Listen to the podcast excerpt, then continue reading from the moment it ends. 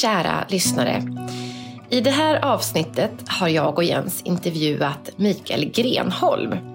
Mikael är författare och föreläsare och har skrivit flera böcker. Men just i den här intervjun så fokuserar vi på boken Dokumenterade mirakler. Där Mikael verkligen går in på djupet och systematiskt lägger fram argument, diskussioner och många exempel på just dokumenterade mirakler. Efter intervjun så måste jag också säga att Mikaels lättsamma och humoristiska personlighet kommer fram på ett väldigt fint sätt i boken. Vilket kanske kan få läsaren att känna sig lite mer bekväm i tanken på mirakler. Om det kanske är första gången man funderar på om det ens existerar. Dokumenterade mirakler finns både som ljudbok och vanlig bok så att säga. Och Mikael har även kommit ut med en ny bok som heter Dokumenterade språkmirakler.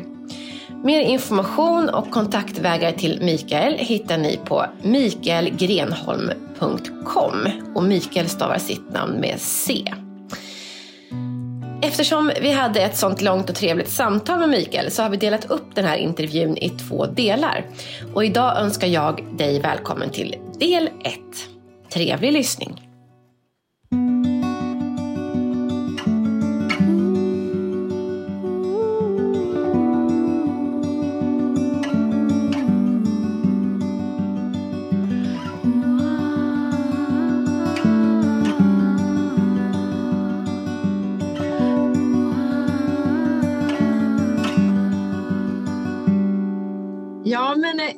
Välkommen Mikael Grenholm till eh, vår podd. Tack så jättemycket. Vad kul att du är med. Eh, vi har ju eh, bjudit in dig för att, ja framför allt för att du har skrivit en bok som heter Dokumenterade mirakler. Mm, det stämmer. Ja, och det här är ju ett, ett jättespännande ämne som är för mig Eh, ja, både nytt och gammalt kan man säga. Det är klart alla har hört talas om mirakler, men eh, vi vet ju kanske inte riktigt vad det egentligen är för någonting, vad som är definitionen på det och eh, framförallt så kanske jag tror att så många inte eh, vet om att det finns dokumenterade mirakel. Så det är en spännande take på det ämnet, tycker vi. Ja, jag tyckte det var väldigt spännande att skriva boken. Ehm, Jag saknade någonting på svenska som undersöker mirakler på ett mer systematiskt sätt, tar hjälp av både vetenskap och filosofi. finns några på engelska men de flesta av dem är antingen supertjocka eller jättesvåra att få tag på för att de är så pass gamla. Mm. Ehm, Så när jag kände att den här boken skulle jag vilja läsa då bestämde jag mig för att skriva den själv.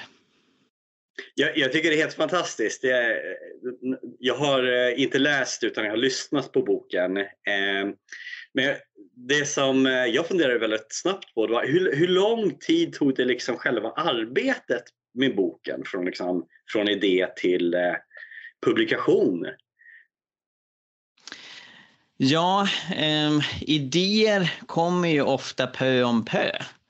Jag började undersöka och eh, leta efter eh, tillfrisknanden som saknar vetenskaplig förklaring redan för eh, över 12 år sedan, 2011. Eh, så på min blogg som heter Hela pingsten så finns det ett gammalt inlägg som heter Verifierade helanden. Där jag listar alla exempel jag kunde komma över på internet främst. Men också via vissa böcker som jag hade kommit över. Där läkare säger vi kan inte se någon vetenskaplig förklaring till det här tillfrisknandet. Men sen så var det egentligen eh, 2017 när jag började tänka just på det här att eh, det skulle behövas en sån här bok och där jag tänkte att det är nog möjligt för mig att skriva den. Men jag insåg för att jag skulle kunna ge mig själv den tiden som krävdes för att göra ett ordentligt arbete ehm, så behövde jag se om det fanns intresse för det. Ehm, och ehm, då så kollade jag runt bland både folk jag kände och folk jag inte kände i då eh, framförallt kristna sammanhang där jag frågade om, om det här skulle vara intressant och det var en otroligt positiv respons. Eh, så sen när jag satte igång skrivarbetet så blev jag kontaktad av sex olika bokförlag som alla ville ge ut min bok. och, eh, det, det är en start verkligen. Otroligt ovanlig position att befinna sig i som författare mm. för ja. den normala processen är ju att man skriver sin bok och sen så kontaktar man inte sex utan 60 förlag och, och mm. ber på sina bara knän att de ska ge ut den. så så det, det kändes helt fantastiskt och eh, det tog ett bra tag så jag fick ägna eh, sex månader heltid åt att skriva manuset och sen så tillkom ytterligare flera månaders arbete att redigera alltihopa eh, för att eh, arbetet krävde en hel del intervjuer, en hel del bollande fram och tillbaka med läkare för att jag vill ju inte eh, ge ut något som direkt skulle kunna skjuta sönder av någon som mm. har bättre medicinsk kompetens än jag. Utan även fast alla de exempel som jag har med i boken eh, ursprungligen har ju haft läkare som kommenterar och säger här ser vi ingen vetenskaplig förklaring så såg jag till att det blev en second and third and fourth and fifth mm. opinion genom att fler läkare fick kolla igenom hela bokmanuset innan det sen eh, skickades till förlag och så gavs den ut våren 2019. Ja, men det märks ju, det är en otroligt välarbetad bok. Jag måste säga att jag uppskattar just att du var så um, systematisk i boken. Att det var eh, inte så mycket hörsägen utan att du, att du arbetade liksom med data så att säga för att kanske också i mina ögon tyckte att det blev, eh, vad ska man säga, någon form av trovärdighet i, eh, i arbetet. Ehm, och det här har väl varit ganska intressant just det här med att är lite kanske provocerande. Hela ämnet verkar det vara. Vi har ju pratat, eh, både jag och Sara, att vi ska göra den här intervjun och så här och att eh, det är många som, det krockar någon sorts världsbild verkar det som det här med, med eh, mirakler ja, överhuvudtaget. Ja. Eh, jag tänkte sådär, under din researchdel av boken, var det någonting som du blev förundrad över eller hajade till eh, som var liksom wow, oj, är det så här många eller vad det nu kan vara liksom mirakler? Ja. Ja, någonting som var djupt fascinerande var en eh, studie som jag upptäckte som bedrevs 2004 i USA. Då tillfrågades eh, flera tusen läkare om de själva hade sett vetenskapligt oförklarliga tillfrisknanden och också om de eh, ber för sina patienter att de ska bli friska parallellt med att de ger dem den eh, vård som, som de har rätt till. Eh, och den här studien visade att 55 procent av amerikanska läkare har sett tillfrisknanden som de inte kan se någon vetenskaplig förklaring till. Och två tredjedelar ber för sina patienter och, och tror att mirakler kan ske idag. Och i USA finns det en miljon läkare.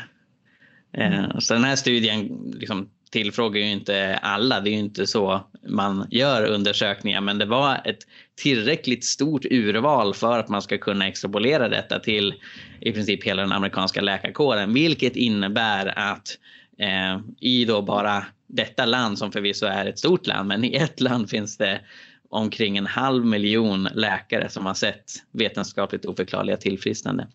Så det försöker jag vara tydlig med eh, i min bok att jag har då med drygt 50 exempel, jag tror det är 53 eller 54 något sånt där. Eh, och jag hävdar inte på något sätt att det här är de enda som finns, att det här var de enda jag hade kunnat ha med. Eh, jag kände väl snarare att nu är det dags för boken att bli klar och jag ville inte att den skulle bli ytterligare en sån här enorm tegelsten som flera mm. andra av, av böckerna på samma ämne har varit. Eh, utan det är ju bara för att ge en bild av hur eh, utbrett det här är. Och jag valde bort en hel del fall för att de var lite för lika fall jag redan hade med. Eh, det finns en hel del som har blivit friska från dövhet till exempel utan att eh, läkarna kan ge någon förklaring efter man har bett för helande i Jesu namn. Och när jag liksom kom in på femte, och sjätte, och sjunde och åttonde exemplet på det så tänkte jag nej men jag, jag tror poängen redan har blivit gjord för då hade jag bland annat fått intervjua personligen en kvinna i Flen som heter Maria Johansson eh, som höll på att bli helt och hållet döv. Eh, så hon kunde inte eh, prata i telefon, hon kunde inte hänga med i konversationer som involverade flera människor. Hon var helt beroende av att läsa på läpparna. Men efter en gudstjänst i Sionförsamlingen i Flen 21 augusti 2016 eh, så kom all hörsel tillbaka och det kunde sedan bekräftas hos hennes öronläkare som sa att jag har ingen vetenskaplig förklaring till detta. Du kan kalla det ett mirakel för anledningen till att du var hörselskadad var att cellerna i snäckan i öronen hade dött. Och nu var de vid liv igen. Och det går inte. Wow. Eh, så, så ja, läkaren var helt ställd av, av detta. Och just i och med att, att det här var någonting där jag själv kunde prata med Maria på telefon, något hon inte hade kunnat göra innan tillfrisknandet. Mm. Eh, jag har även träffat henne personligen. Eh, och sen också då få bekräftat från, eh, från läkarna och, och, se de audiogram som de hade som, som visar att hon, att hon kunde höra mycket, mycket bättre.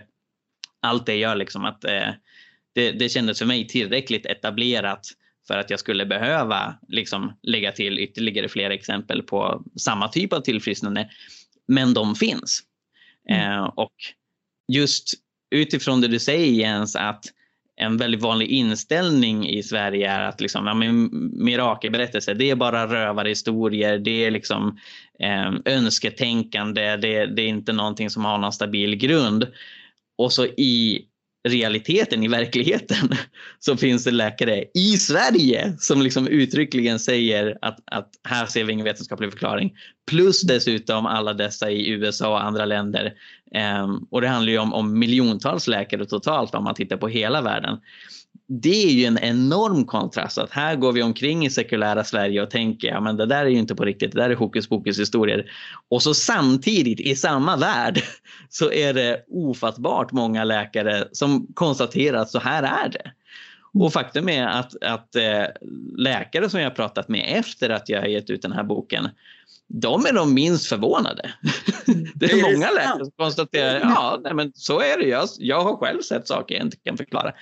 Så, så det, är ju, det är ju mer liksom utanför vården som, som man kanske har den här övertygelsen om att ja, mirakler det är bara rövarhistorier som inte har någon vetenskaplig grund.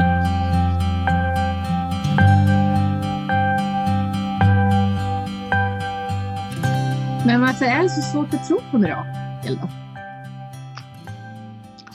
Ja, det är ju främst västerlänningar i vår tid som tycker just att det är svårt att tro på mirakler. Och många gånger så, så handlar det om att man dels själv inte har så mycket erfarenhet av det man uppfattar som mirakulöst och att man också har fått lära sig att om man ska vara en rationellt vetenskapligt grundad människa då måste man skära bort allt övernaturligt från sin världsbild.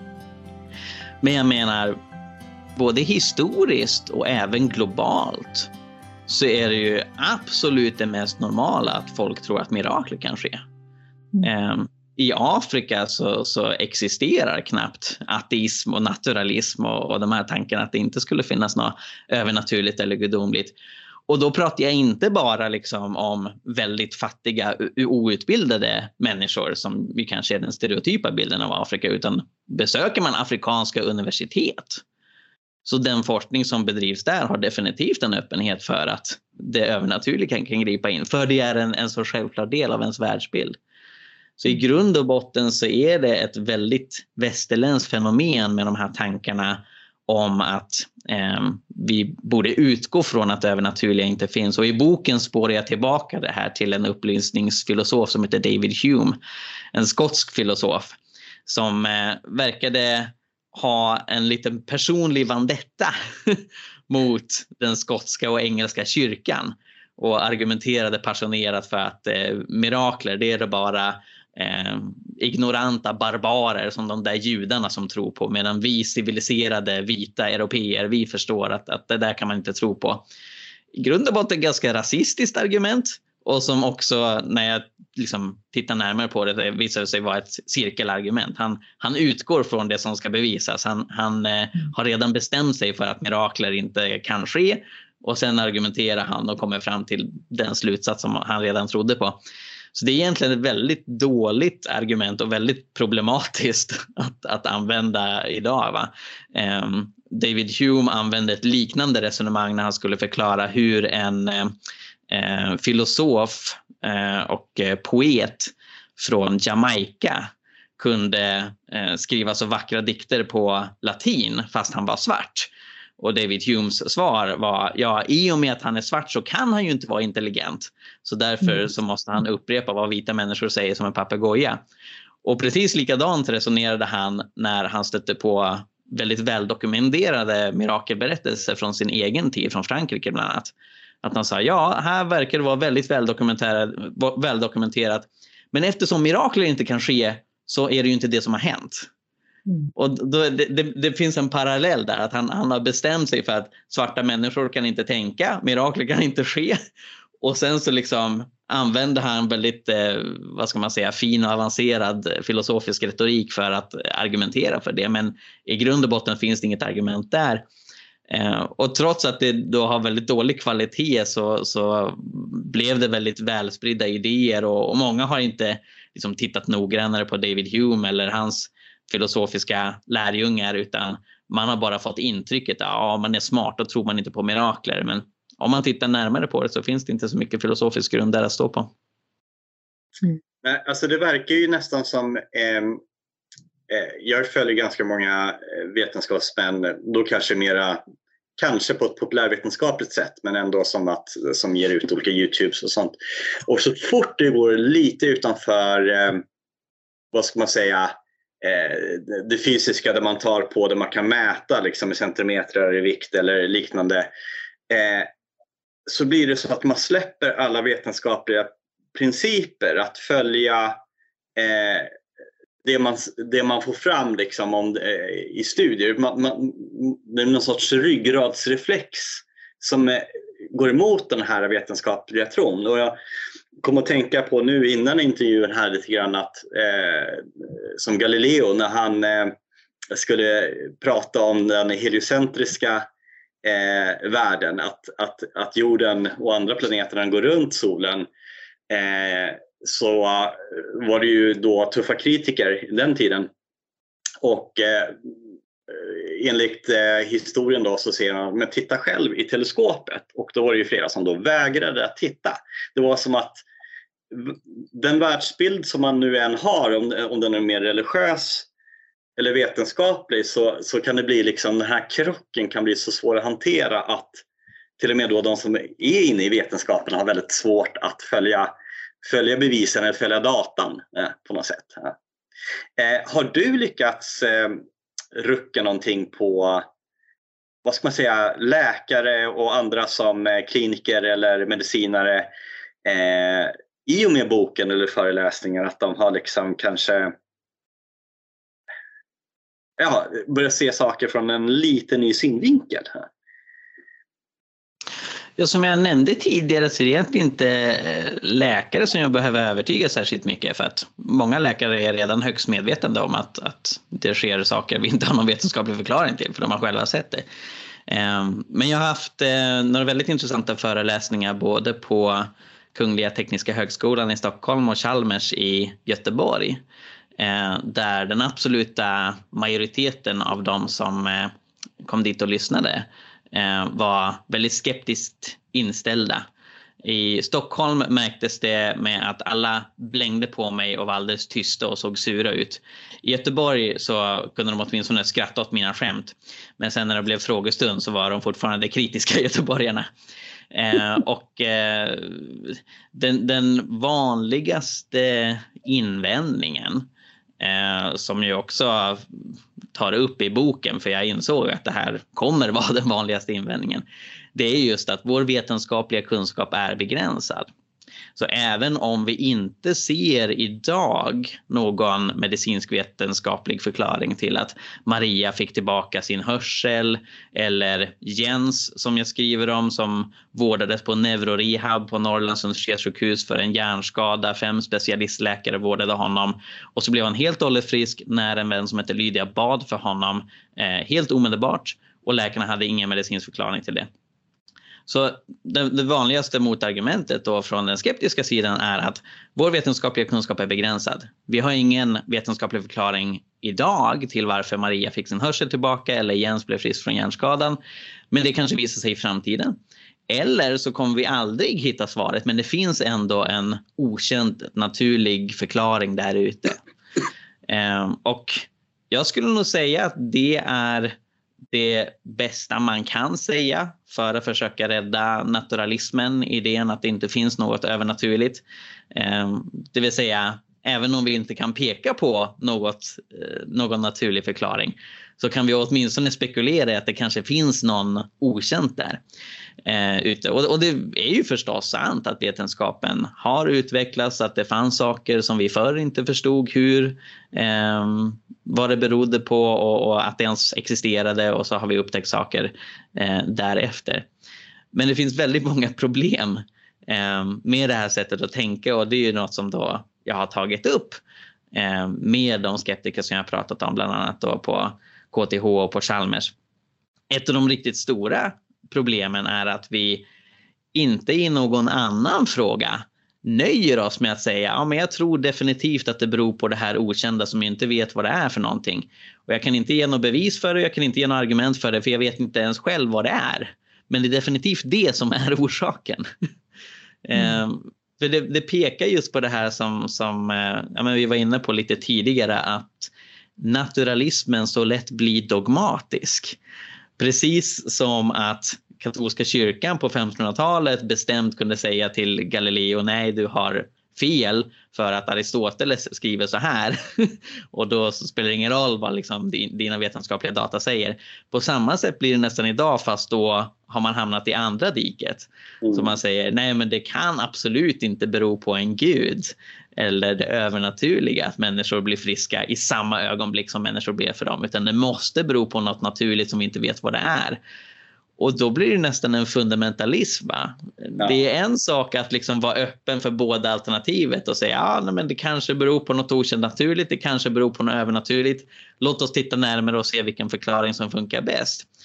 Men grejen är att många har också underskattat just hur många sådana här exempel som finns. Mm. Och det jag försöker visa på i boken är att bara med de 50 exempel som jag har med där så blir sannolikheten att alla dessa 50 väldigt olika sorters tillfrisknanden skulle bero på naturliga fenomen som ingen någonsin har upptäckt i vetenskapens historia.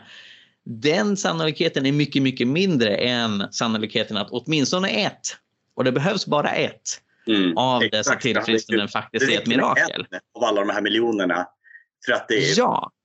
då är mirakel möjliga. Liksom det, det är liksom inte en jämn spelplan utan för att behålla tron på naturalismen, övertygelsen att det inte finns något övernaturligt, så måste man hävda att just precis alla, 100 procent av mm. dessa tillfrisknanden kan förklaras med det man själv föredrar, okända naturliga mm. fenomen.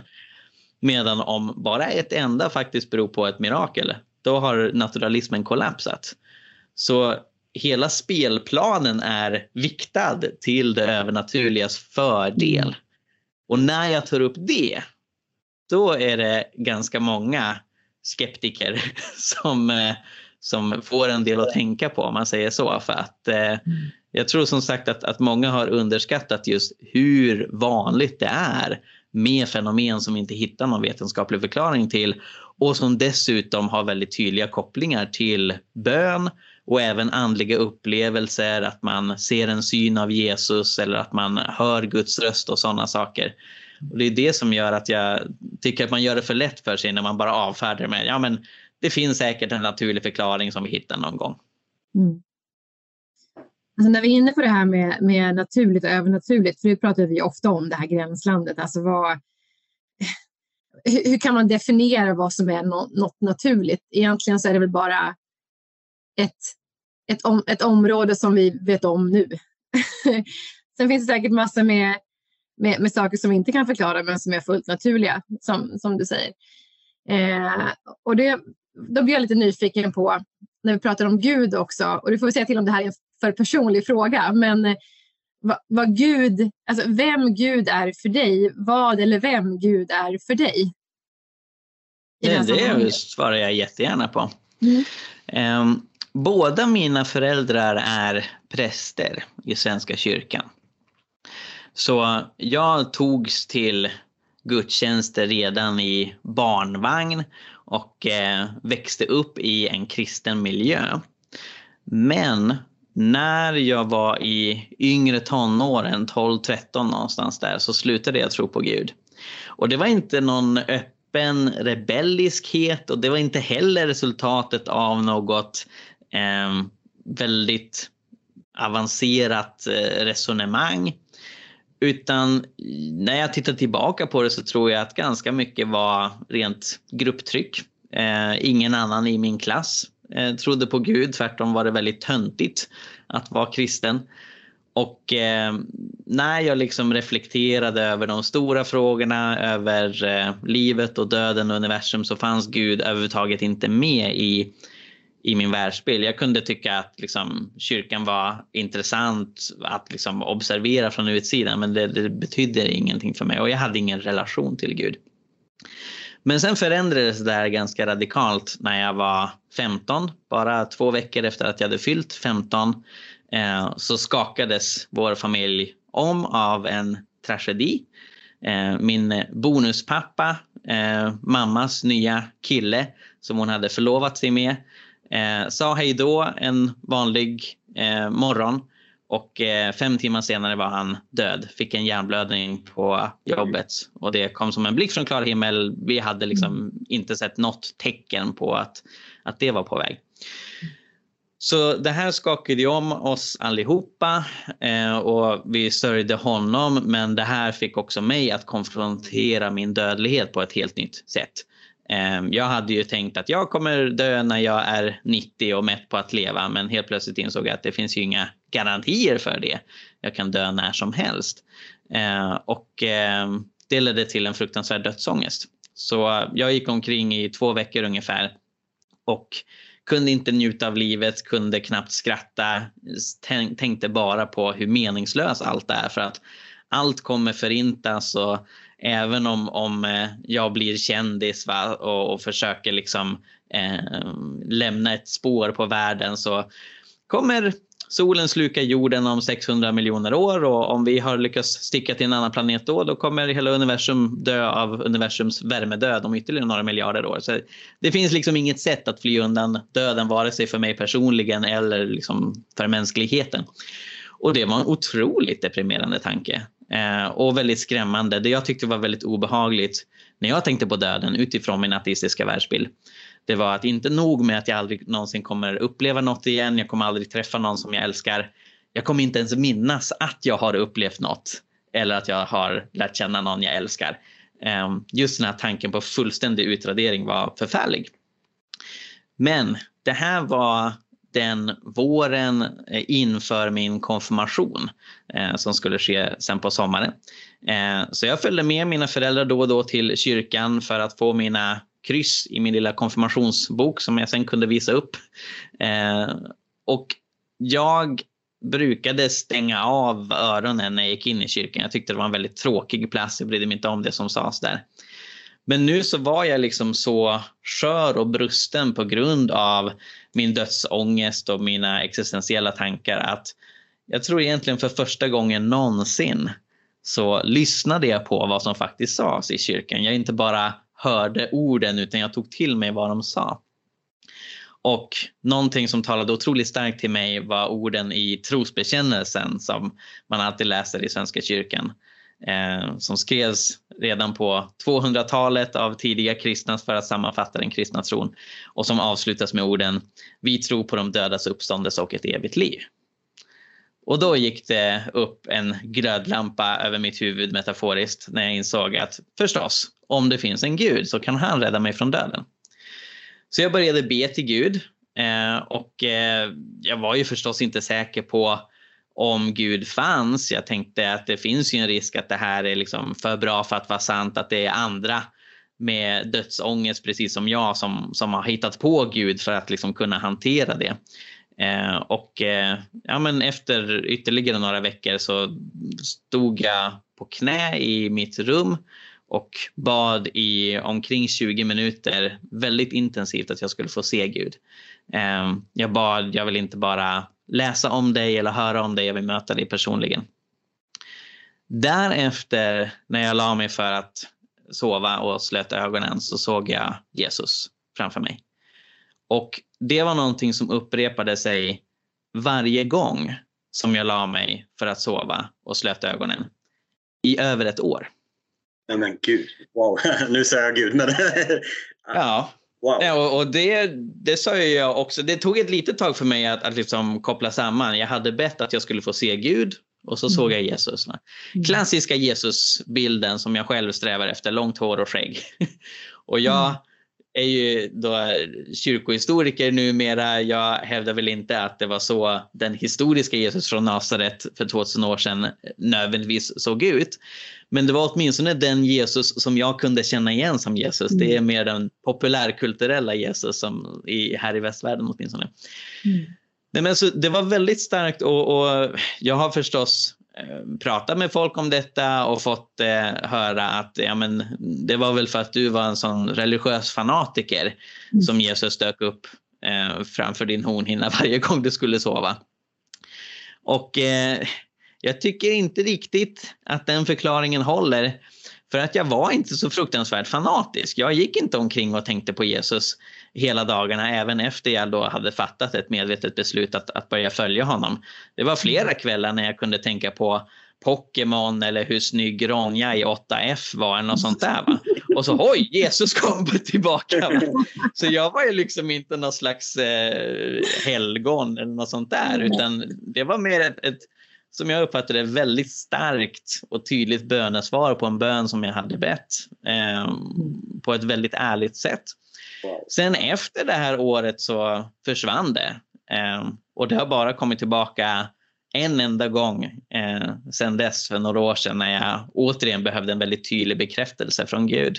Eh, och så dök samma Jesus ansikte upp eh, framför mina ögon när jag hade dem slutna. Mm.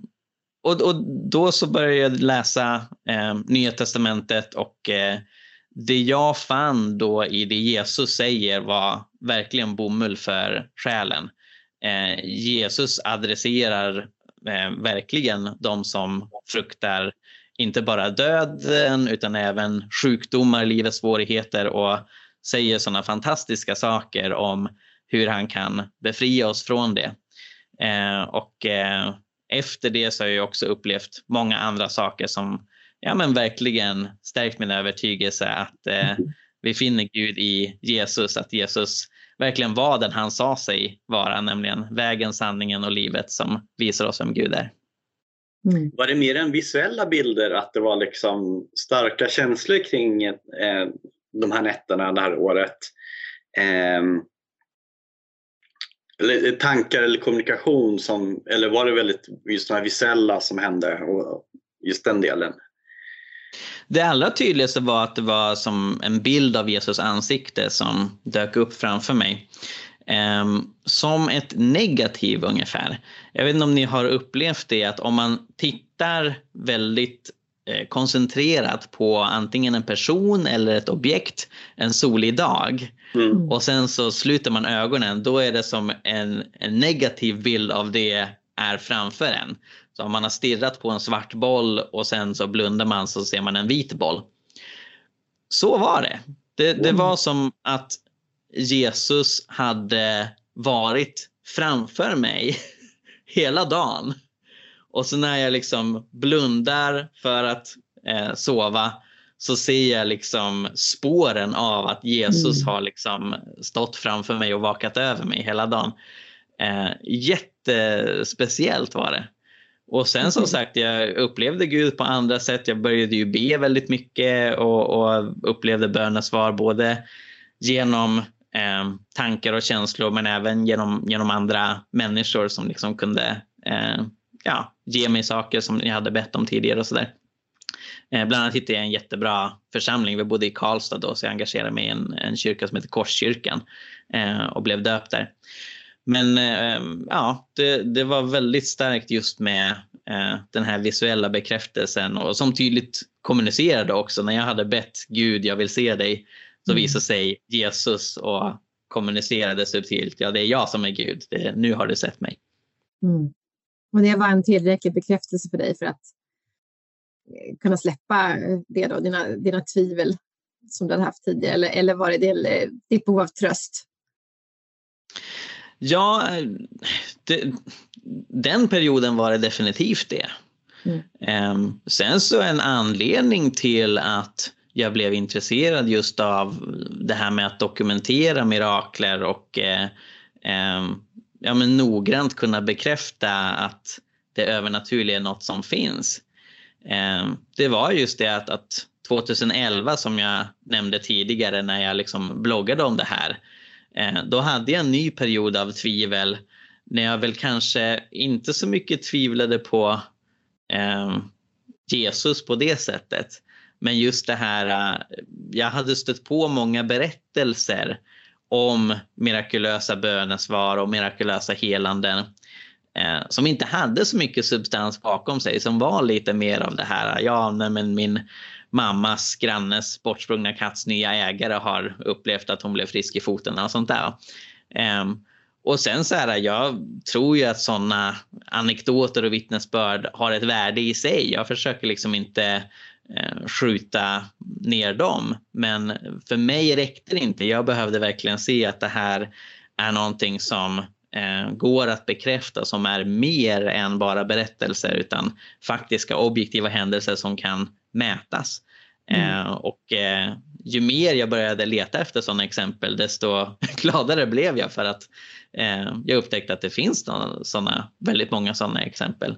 Eh, så idag har jag ju en, en väldigt trygg och säker tro på Gud. Jag har eh, erfarit på tok för mycket för att kunna ifrågasätta hans existens. Sen kan jag ibland tvivla på eh, min roll i Guds planer om jag är liksom tillräckligt värdig eh, att, att eh, få, vara, få vara en del av det Gud vill göra. Men där är ju också Jesus väldigt tydligt och något som jag behöver påminna mig om många gånger att det, det handlar inte om vilka vi är utan det handlar om vad, vad Gud har gjort för oss och vad, vad Jesus eh, har åstadkommit på korset. Eh, så ja, det, det, har verkligen skapat en grundtrygghet i mitt liv som jag inte hade eh, när jag var ateist som tonåring.